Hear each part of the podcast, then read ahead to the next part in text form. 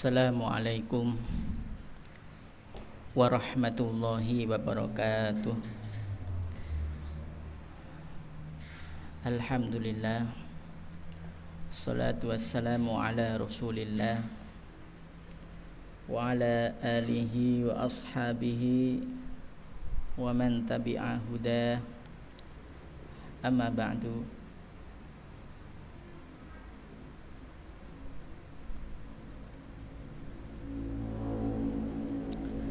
Mari kita awali dengan basmalah. Bismillahirrahmanirrahim. Terakhir kita membahas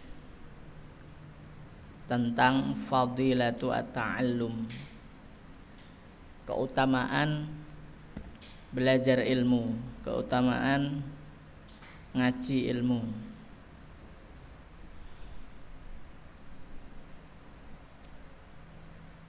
Abu Darda kemarin pernah juga mengatakan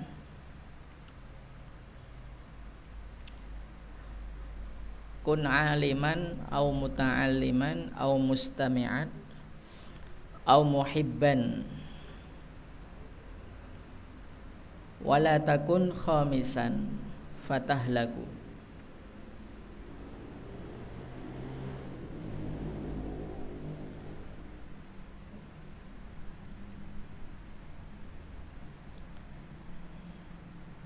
Jadilah kau orang alim.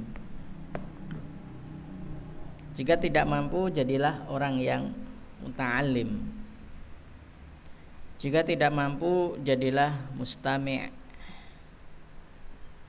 Orang yang mendengar ilmu dari orang alim.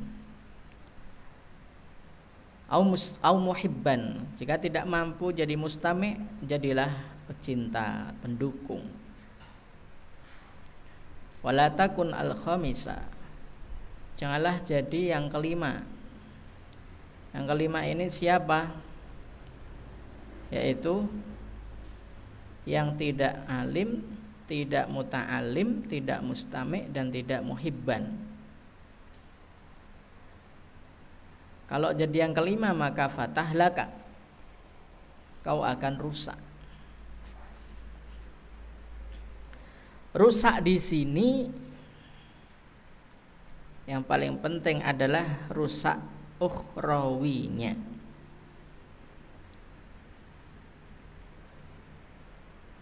Meskipun duniawinya terlihat baik misalnya dia punya dia punya fasilitas mobil fasilitas rumah mewah ya kan kebutuhan terpenuhi, tercukupi, urusan dunia lancar, namun semua itu hanyalah fata morgana, hanyalah kenikmatan fata morgana. Yang tentu nanti di akhirat belum tentu senikmat yang ia rasakan di dunia. Bisa dilihat itu di surat apa itu? Numatti'uhum qalila summa natarruhum ila azabis sa'ir. Dicari aja kata summa natarruhum. Atau numatti'uhum qalila.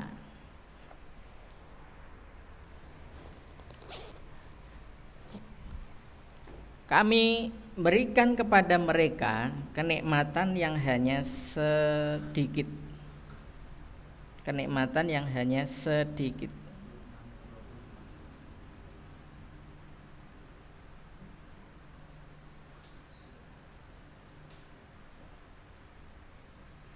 Namun setelah kenikmatan sedikit yang mereka cicipi sesaat di dunia itu Sumanatarruhum ila azabis sa'ir kemudian kami apa jenenge? Paksa mereka ke arah azab sa'ir azab neraka yang panas.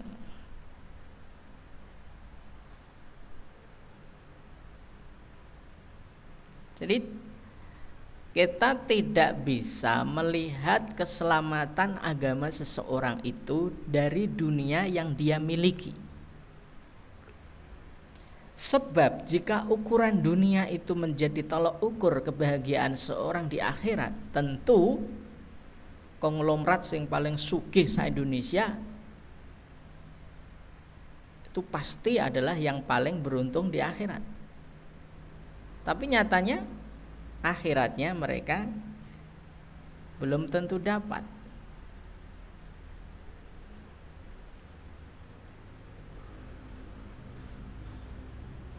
Sumanatorhum ila azabin ghalidh ya. Azab yang tebal.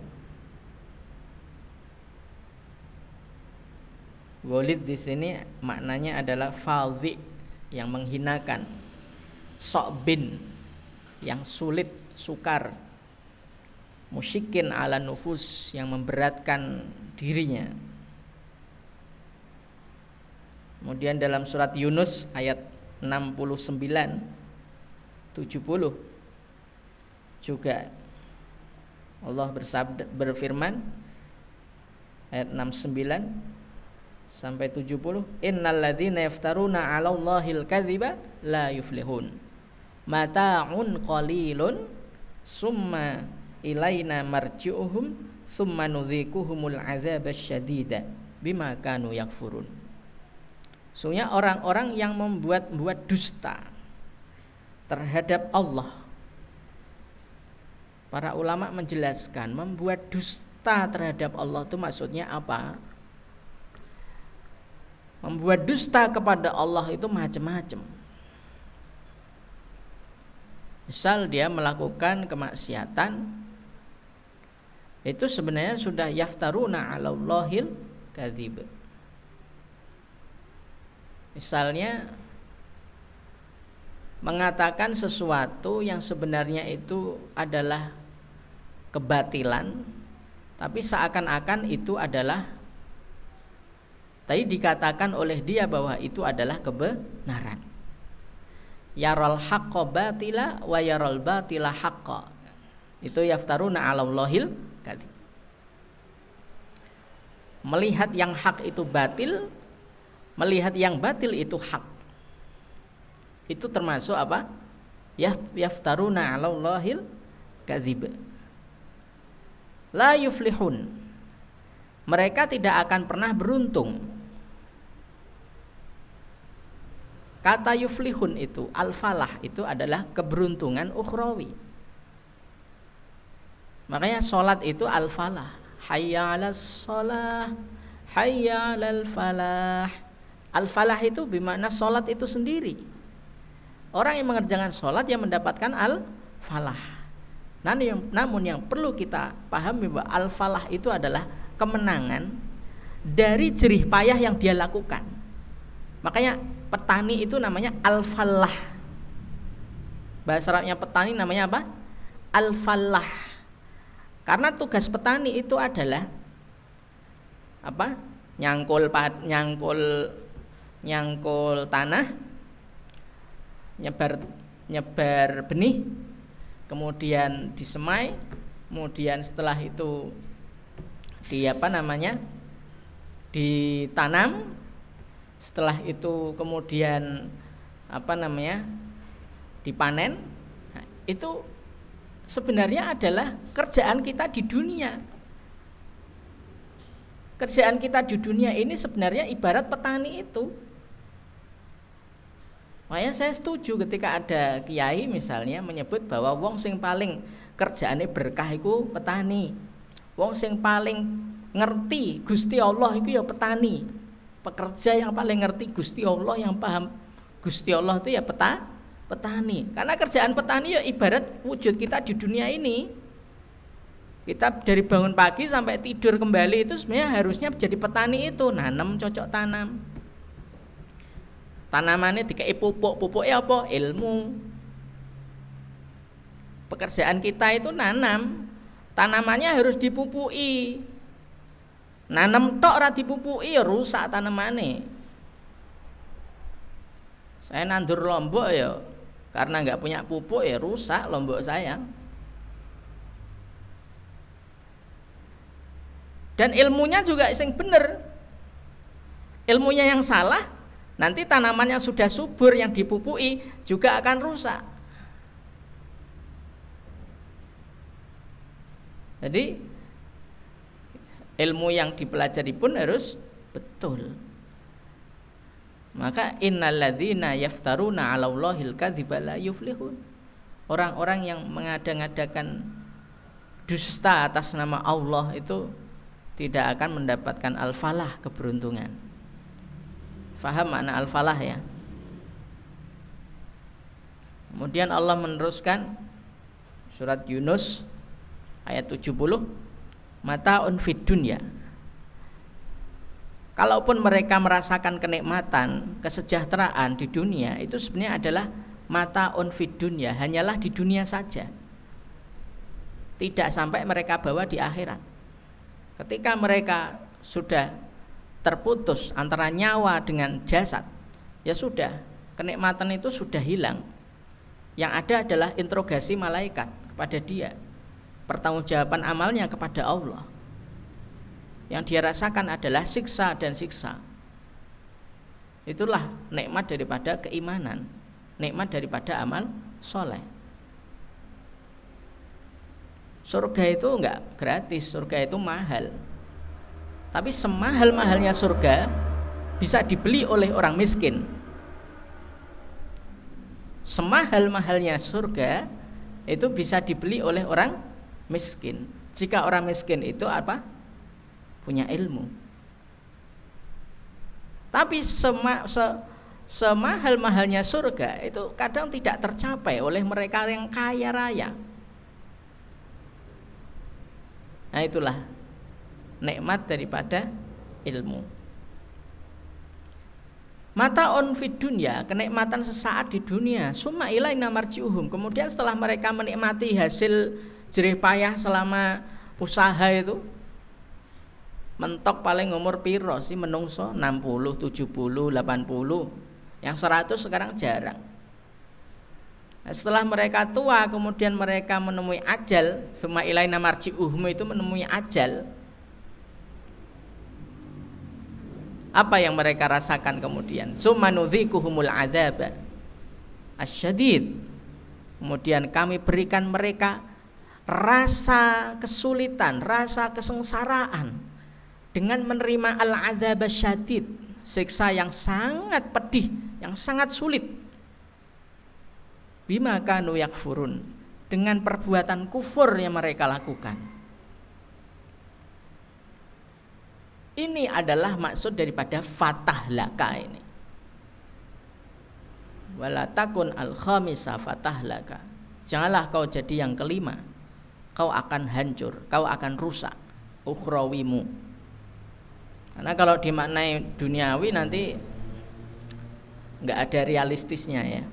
Karena nyatane wong kafir akeh sing sugih. Wong kafir justru yang paling sejahtera di dunia saat ini. Ekonomi dipegang oleh mereka. Wong Islam sing sugih bisa dihitung jari. Sing di TV paling cuma Pak Abu Rizal Bakri sama siapa itu si anak singkong itu Khairul Tanjung ya kan si Suki kuwi tok wong Islam. Aliane ora patek Suki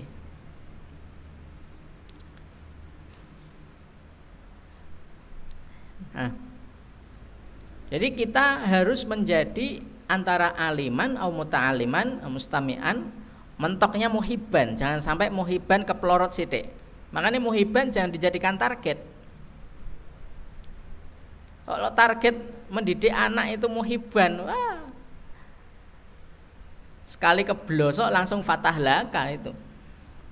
Makanya ada sekolah yang target anaknya jadi muhibban itu kacau itu. Ada sekolah targetnya itu anak didiknya menjadi hanya sekedar apa? Muhibban ya kacau itu. Muhibban itu istilahnya apa ya? uh, derajat yang paling bawah dari derajat yang selamat ya. Lah kok target kok yang paling bawah itu? Target harus yang paling atas, aliman. Enggak yo muta'aliman. Mustamian itu ya mepet ya. Nyatane mustamian ya kadang pengajian ya. Ya kadang teko ya kadang ora, ya kadang rajin ya kadang males. Mut-mutan ya mustamian. Nah, muhiban iki ya ora teko pengajian ya ora apa-apa tapi nyediakno buka ya ta. Wis ora nyediakno buka. Ora mustamian nah iku parah, payah itu. Luqman Al-Hakim menasihati putranya, "Jalisil ulama." Duduklah kau dengan para ulama, gabunglah dengan majelis para ulama itu jalisil ulama. Gabunglah dengan majelis para ulama. Jadi kalau ada ulama ngadakan ngaji itu gabung. Wazahimhum biruk bataiha. Seseli mereka, seseli apa? Ramaikan mereka dengan kehadiranmu. Majelis majelis ulama itu diramaikan dengan kehadiranmu. Sehingga biruk bataika dengan kedua apa namanya? lututmu. Karena lutut itu kan untuk berjalan itu. Ya betul-betul apa ya? hadir gitu ya. Lutut betul-betul hadir di situ. Fa innallaha yuhyil quluba binuril hikmah kama yuhyil ardo biwabilis sama karena Allah itu menghidupkan hati itu dengan cahaya ilmu jadi nek rumangsa atine kem, kemrungsung kemropok ke ke apa ya wis ngono ya kita caranya adalah dengan il, ilmu.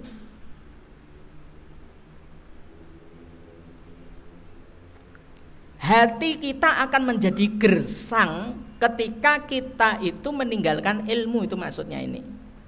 Ya. Karena cara Allah menghidupkan hati itu adalah dengan ilmu nah, kalau hati kita sudah jauh dari ilmu ya hati kita akan senantiasa gersang kering. Kering kerontang. Namanya hati yang kering ya tahu sendiri kalau tanah kering aja ditanami apa aja nggak tukul nggak nggak nggak tumbuh. Hati yang kering juga begitu ditanami apa pun nggak tumbuh.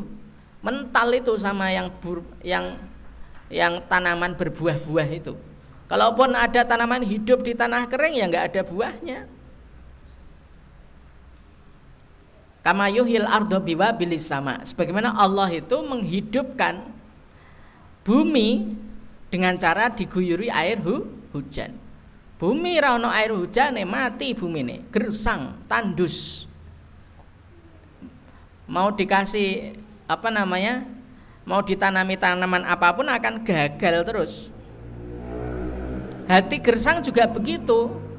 Mau dinasehati pakai Quran nggak mempan, pakai hadis nggak mempan, pakai dalil ulama sing salaf-salaf mempan.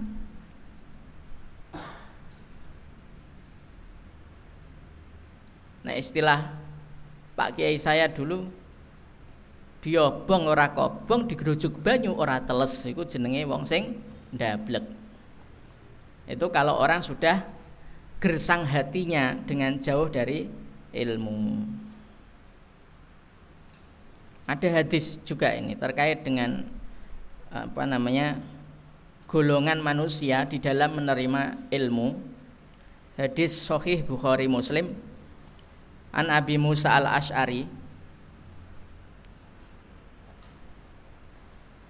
Rasulullah Shallallahu Alaihi Wasallam bersabda Masalu ma ba'athanillahu bihi minal huda wal ilmi kamasalil ghaisil kasiri asaba ardon. Perumpamaan cahaya dan ilmu. Perumpamaan petunjuk dan ilmu yang Allah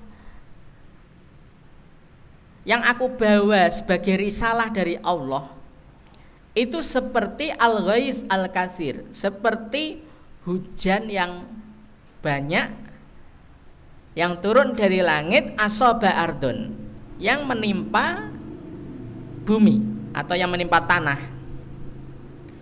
Fakana minha naqiyatun qabilatil ma'a.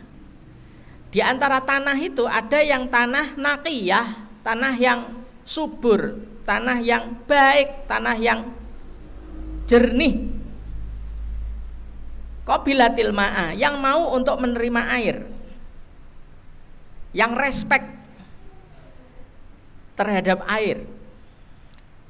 Fa'ambatatil kala'a wal ushba al kathiro. Kemudian tanah tersebut mampu untuk menumbuhkan rumput-rumput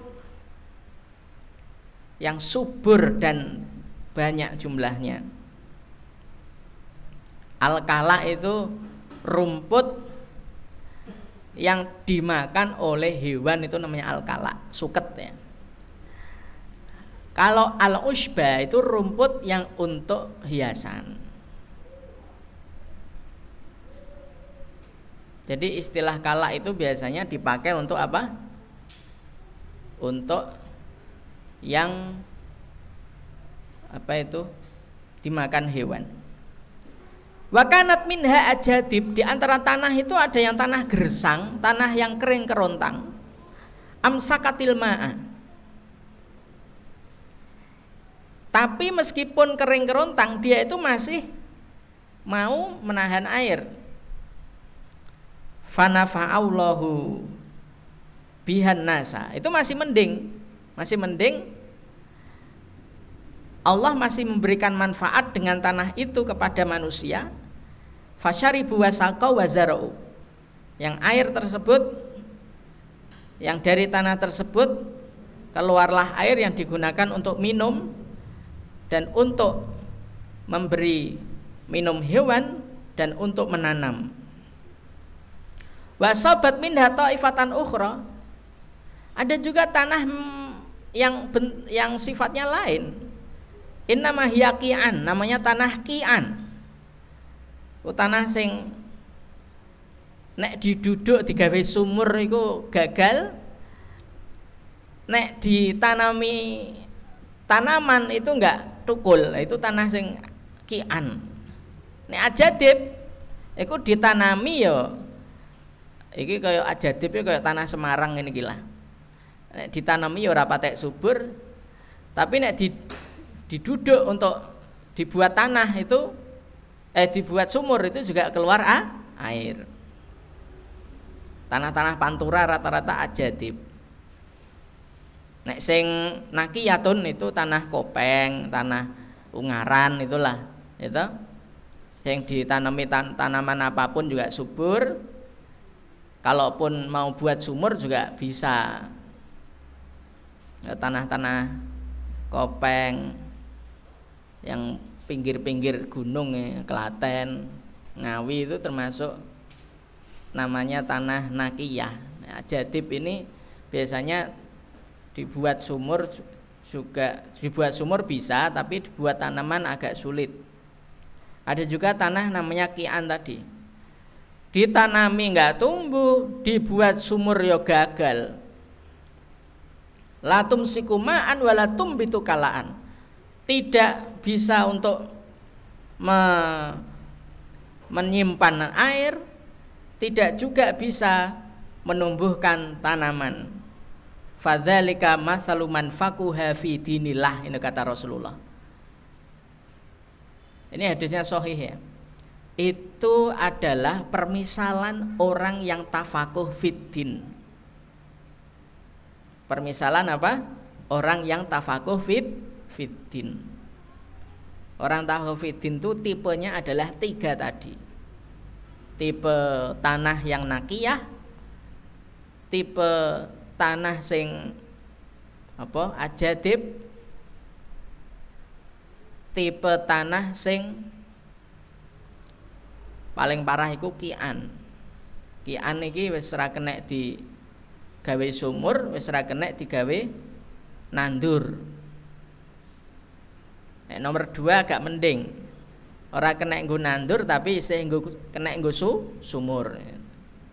kayak Semarang iki ya. Ora patek subur tanahnya tapi nek nggo duduk sumur ya sumbernya lumayan. Yang paling apik ya nakiyah itu. Tinggu sumur, tinggu nandur ya bisa, tinggu sumur ya lancar. Jernih pisan, seger pisan.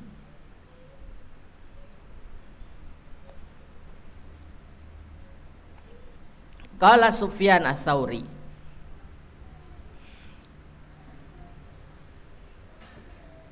Sufyan Ats-Tsauri berkata Laisa ba'dal faridoti amalun afdolu min talabil ilmi. Laisa ora ono ba'dal faraidi iku ing dalem sakwuse fardu-fardu apa amalun? Amal afdalu kang luweh utama min talabil ilmi ketimbang golek ilmu. Setelah fardu fardu itu sholat fardu puasa fardu tidak ada yang amalannya lebih utama daripada tolabul ilmi daripada tolabul ilmi. Ini saya juga membawa kitab Ihya Ulumuddin sebagai bandingan juga karena yo isine iki yo copy paste janjane. Cuma kan yang di kitab Ihya yang dipandang tidak pantas disajikan kepada umat Islam itu dibuang sama Ibnul Jau Jauzi. Ibnu Jauzi memilah-milah. Saya juga memilah-milah. Di sini juga diriwayatkan dari Al-Imam Syafi'i rahimahullah Talabul ilmi afdalu minan nafilah. Pekerjaan menuntut ilmu itu lebih utama daripada pekerjaan sholat sunnah. Artinya begini, kalau sholat sunnah meninggalkan tolabul ilmi. Dengan tolabul ilmi yang mengorbankan sholat sunnah itu lebih utama tolabul ilmi sing meninggalkan apa? Sholat sunnah.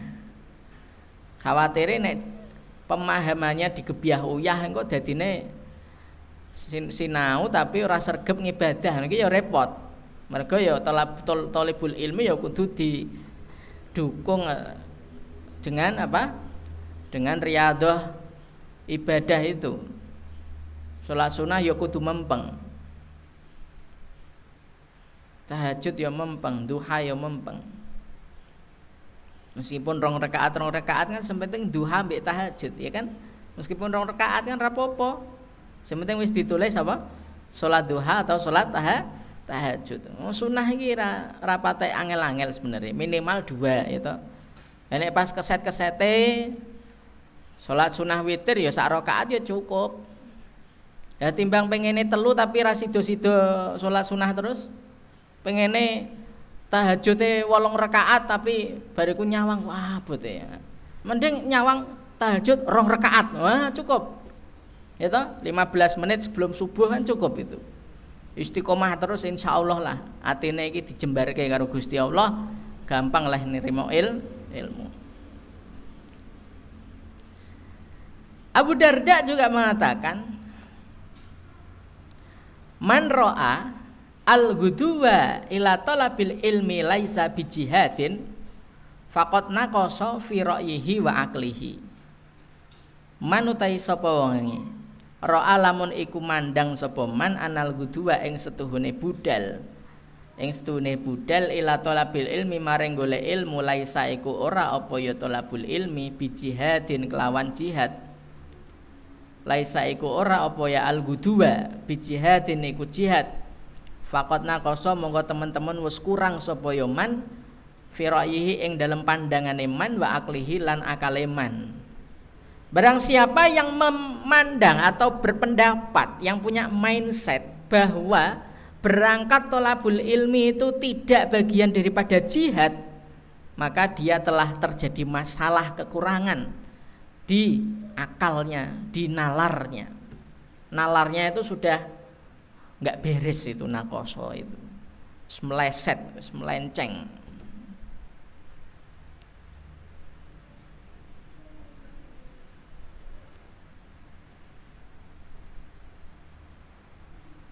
Waqala Umaru radhiyallahu anhu, Umar radhiyallahu anhu pernah berkata, "Mautu alfi abidin qaimil laili shaimin nahar ahwanu min mauti alimin basirin bihalalillahi wa haramihi."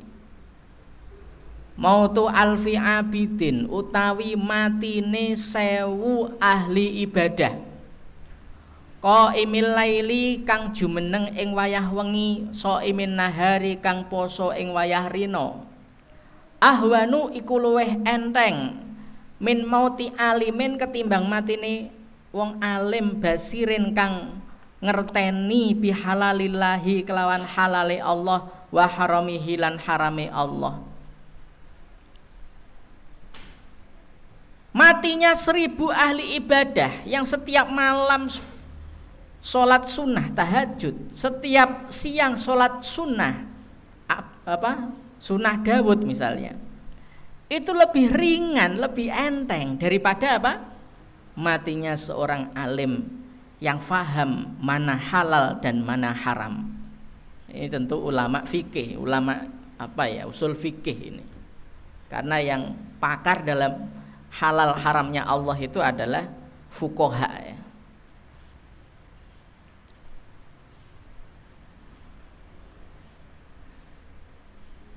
apa meneh matine artis ya? Didi Kempot. Lebih ringan daripada matine Ustadz Heri ya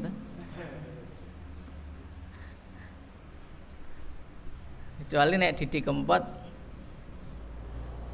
apa jenenge pernah nyumbang tanah buat pesantren ya? Apa-apa mending apit ya tapi katanya pernah bangunkan masjid untuk istrinya di Ngawi. Jadi istrinya itu ahli ibadah. Ahli ibadah. Kemungkinan kalau nggak ikut MTA ya ikut yang deket rumahnya itu daerah namanya itu loh yang Temboro, pesantren Temboro, Magetan itu ada pesantren besar Gu internasional itu, tapi pesantrennya yang suka keliling itu namanya apa? Jauhlah jemaah tablik itu ada LC Medina situ di Temboro itu. Ada LC alumni Medina. Nah. jadi ini lebih ringan matinya orang ahli ibadah yang seribu daripada matinya satu orang alim yang faham fikih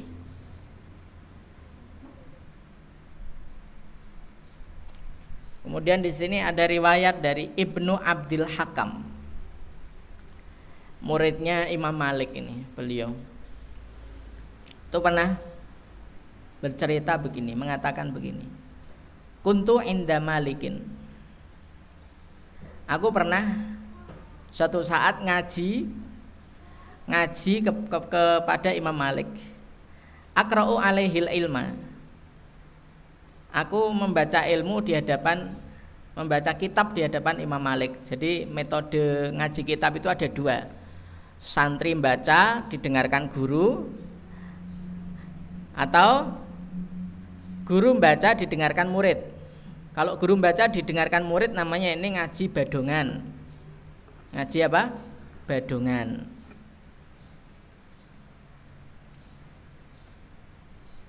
Fadakhala zuhru kemudian mancing waktu zuhur. Waktu zuhur kemudian tiba.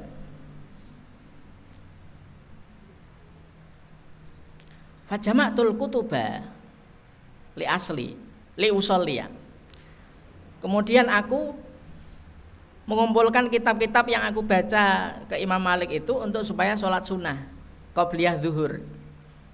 Faqala kemudian Imam Malik mengatakan, Ya hada, ya hada hei le sing mau dek mau maca ning kene. Malladzi kumta ilaihi bi afdhala mimma kunta fihi idza sahhatin niyyah. Apa yang kau lakukan tadi yaitu maca kitab ning ngarepku tak semak nek salah tak bener tak benerke itu lebih utama daripada apa yang akan kau lakukan yaitu qobliyah zuhur jika memang niat tolabul ilmimu itu betul. Jadi ini menunjukkan bahwa ulama sendiri sepakat bahwa tolabul ilmi itu lebih apa? Utama daripada kesunahan. Jikapun orang ini tidak melakukan qobliyah zuhur, paling tidak dia kan ingin apa? Mubadarah bisolah. Ingin apa? Bersegera so, sholat. As-sholatu fi waktiha itu kan sunnah. Itu kan sun, sunnah. Nah, dia ingin mengejar kesunahan itu. Afdoliyah melaksanakan zuhur di awal waktu. Nah, Imam Malik tahu, eh ojo sik. Kayak ngaji gue luwih utama timbang sampean kesusu ndang salat ning awal waktu. Neng tengah waktu ya apa-apa, sementing niat ilmu tolabul ilmimu betul. Nah, itu Imam Malik mengkritik perilaku muridnya Ibnu Abdul Hakam yang ingin segera mensegerakan sholat di awal waktu. Karena pas delalah di tengah-tengah ngaji asik-asik ngaji. Nah, makanya ngaji saya malam rebu ya sholat isya agak mundur ya. Karena memang di tengah-tengah ngaji dan itu nggak apa-apa. Dalilnya kitab eh ya ulumidin Ini adalah fadilah belajar ilmu yang luar biasa. Belum lagi ada muridnya Imam Ahmad bin Hambal pernah bertanya kepada gurunya, Ansahu filaili am usolli Wahai guruku Mana yang lebih aku utamakan Aku nulis kitab di waktu malam Ataukah di waktu malam itu aku fullkan untuk melakukan sholat sunnah? Ansahu itu menulis, tapi dari kitabnya sudah ada. Mengutip-ngutip itu namanya ansahu. Mau kitab toh, nek ono yang penting-penting terus dicatat itu namanya ansahu. Makanya kalau paham yang Arab itu, kalau paham yang komputer Arab itu copy paste itu ada copy ada paste kan? Itu istilahnya nashu. Kopi itu namanya nashu. Menyalin lah ansahu itu. Mana yang lebih utama? Aku mencatat ilmu di waktu malam ataukah malam itu aku fullkan untuk ibadah? Faqala lahu Imam Ahmad menjawab pertanyaan muridnya. In kunta muta'alliman tansahu. Jika memang kau itu adalah orang yang muta'alim belajar ilmu betul kepada ulama maka yang lebih utama adalah tansahu kau menulis ilmu itu. Nah, ini Imam Ahmad muridnya Imam Syafi'i. Imam Syafi'i muridnya Imam Malik. Sepakat jumhurul fuqaha mengatakan tolabul ilmi afdolu minan nafilah Meskipun demikian kita tidak boleh mengesampingkan sholat sun sunnah. Ya kudu dikencengi sholat sunnah, ya kudu dikencengi ngajine. Jadi banding kita labul ilmi dengan sholat sunnah ini bukan berarti kita menyepelekan sholat sunnah. Tetap ya sholat sunnah diopeni, tapi tolabil ilmi nek perlu lebih diopeni, diseriusi. Karena ganjarannya insya Allah banyak sekali. Nek orang memandang orang yang tak rajin tahajud meskipun ndak nggak duwe ilmu, iku wong apik, ya kudune nek ana wong maca kitab luweh dianggap luweh apik ketimbang wong sing sergap ngibadah saha tahajud. Paham maksud saya? Kadang mindset orang kan beda ya. Nek sing rajin ning masjid jamaah gitu, tapi keset ra tau ngaji kitab, terus nek malam tahajud itu sampai bathuke ngapal mergo sajadahe kasar itu kadang asar sujud ya diartekno bathuke ngapal ya piye wong asar sujud itu tafsirnya bukan gitu. Asar sujud itu asar maknanya adalah besok keningnya itu bercahaya di akhir akhirat. Gurrul muhajjalin itu loh. Kembalinya ke hadis gurran muhajjalin. Ojo diosok-osoki ben ireng terus bariku menjadi tanda kesolehan. Terus seakan-akan naik eh gak ono capek wis ora dianggap gak rajin ngibadah. Itu sing aneh ya. nah, saya dulu pernah tapi sekarang enggak. Yusuf bin Asbad juga mengatakan Babun minal ilmi tata'allamuhu afdalu min sab'ina ghazwatan. Satu bab ilmu yang kau pelajari itu lebih baik daripada 70 kali perang bersama Rasulullah yang kau ikuti. Ghazwah itu perang yang di situ hadir Rasulullah. Itu adalah sebaik-baik perang. Karena perang di zaman Rasul ada dua, Ghazwah dan Sariyah. Sariyah itu biasanya Rasulullah ngutus utusan dipimpin satu sahabat, Rasulullah nggak ikut. Kalau Ghazwah ini Rasulullah ikut. Jadi ketika afdalu min sab'ina Ghazwah itu lebih utama daripada 70 kali berangkat perang bersama Rasulullah. Lebih utama mana? Belajar meskipun satu bab dari il, ilmu. Pemenang berbab-bab, nah, lebih hebat. Kemudian fadilatut taklim. Keutamaan mengajar ilmu.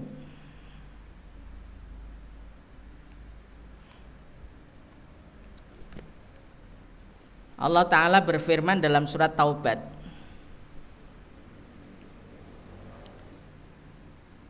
Ini di Ihya Ulumuddin disebutkan surat Taubat di mana ini kitab Minhajul Qasidin nggak disebutkan.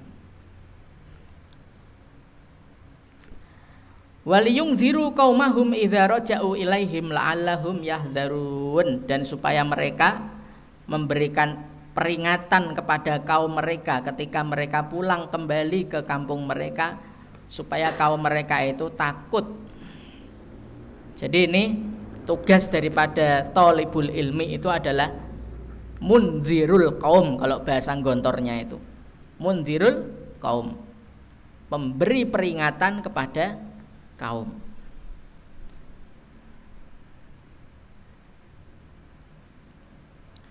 Apa pun profesi kita tetap menjadi munzirul kaum mundir itu meden-medeni memperingatkan. Kemudian ditambah dengan surat Ali Imran Wa id akhadallahu mitsaqal ladzina Ali Imran 187 Wa id akhadzal ladzina wa id akhadallahu mitsaqal ladzina utul kitaba latubayyinunnahu linnasi wa la taktumunahu. Dan ingatlah ketika Allah mengambil janji kepada mereka yang diberi kitab ilmu, yang diberi Allah ilmu berupa kitab ya. Janjinya berupa apa? Latubayyinunnahu linnasi. Demi Allah kalian harus menjelaskannya kepada manusia wala taktumunahu dan jangan sekali-kali menyembunyikannya. Itu janjinya berupa tubayyinunnahu wala taktumunah. Janji kepada siapa? Alladzina utul kitab. Utul kitab di mana utul ilma. Jadi orang-orang yang diberi ilmu itu me, me, me, apa, mengikat janji dengan Allah untuk la tubayyinunnahu linnasi wala taktumunah. Untuk menjelaskan mendakwahkan ilmu itu kepada manusia dan jangan menyembunyikannya menyembunyikannya itu maksudnya ya wis ra diwajarke. Tipek dhewe ora gelem dimulangke nggak mau diajarkan. Nggak sedikit juga kok orang yang dulunya di pesantren kemudian kuliah apa namanya ini terus setelah itu dia nggak nggak mengajar malah bisnis. Sekarang banyak LC LC itu yang nggak ngajar bisnis. Cetok hasilnya duit nih ngarep moto ya ta tapi kondisi kita sekarang juga begini umat Islam nggak mendukung ilmu nggak mendukung yang punya ilmu sehingga wajar jika yang punya ilmu banyak yang ke arah ke situ. Karena memang jalur ini itu nggak menguntungkan. Tidak apa? Menguntungkan. Eh, jalur itu kan bisnis misalnya. Saya punya teman bisnis madu. Itu sa Indonesia. Dia bikin stand-standnya itu di dekat Libya. Madu dan obat-obat herbal itu dirintis ketika masih kuliah di Libya. Terkenal itu. Dia asli Jawa Tengah, daerah Tegal kalau nggak salah. Sukses. Tapi ya satu sisi ya sibuk umyek bisnisnya itu. Gak sempet ngisi ngaji. Nah itu apa ya? Ya kondisi saat ini. Dan itu sebenarnya jelek kayak gitu. Jelek. Tapi lebih jelek lagi ya ketika mendukung hal seperti itu. Maka kita harus mengubah mindset kita bahwa fungsi daripada mereka yang tolabul ilmi itu adalah mundirul kaum. Sehingga beban tugas mereka mundirul kaum itu harus didukung. Kalau tidak ya nanti yang mundirul kaumnya cepat. Tidak mau jadi mundirul kaum mundirul kaumnya nggak ada kaumnya sakar pdw dolalan mudilan sesat dan menyesatkan. Istiqomah di dalam apa? Kesesatan. Nah itu yang jadi problem umat Islam. Umat Islam belum ngah bagaimana mendukung ulama mendukung ilmu. Satu sisi wong sing duwe ilmu ya realistis juga. Wah aku butuh mangan. Itu butuh omah. Ya butuh mobil realistis. Jadi mereka mengambil jalur itu. Dan itu enggak sedikit, banyak yang mengambil jalur itu.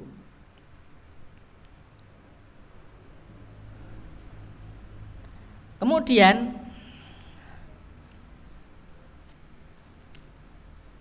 Allah taala berfirman, "Wa man ahsanu qawlan mimman da'a ila Allahi wa amila sholihah." Tidak ada orang yang lebih baik ucapannya daripada orang yang melakukan dakwah kepada Allah dan beramal soleh. Ini adalah ayat tentang keutamaan dakwah. Ucapan yang keluar dari mulut kita yang paling utama adalah ucapan yang bernilai dakwah sehingga semakin banyak memori ilmu di dalam benak kita itu semakin banyak juga materi dakwah yang keluar dari mulut kita. Maka kita harus banyak menuntut ilmu sehingga bisa melakukan taklim bisa melakukan dakwah. Karena dakwah kalau tidak dulu banyak memori ilmu itu dakwahnya nanti dakwah ngawuriah dakwah yang ngawur. Nah itu yang jadi masalah. Sekarang Ustadz yang laris, ustadz yang lucu. Ustadz yang lucu itu yang laris, yang digandrungi, tapi di satu sisi memori ilmunya sedikit. Ustadz artis itu Memori ilmunya sedikit. Tapi ya duitnya akeh. Duitnya akeh. Nah, itu yang jadi masalah. Memori ilmunya sedikit, tapi melakukan dak dakwah. Diundang rono rene. Kadang jadwalnya tahun wis penuh. Nggak lagi ada waktu untuk belajar baca kitab nggak ada lagi. Nah itu yang jadi masalah. Allah Ta'ala juga berfirman mau maghrib jam berapa ini? Sudah. Sudah sampai sini dulu tinggal dua menit kita akhiri dengan kafaratul majlis. Subhanakallahumma bihamdika. Asyhadu alla ilaha illa anta astaghfiruka wa atubu assalamualaikum warahmatullahi wabarakatuh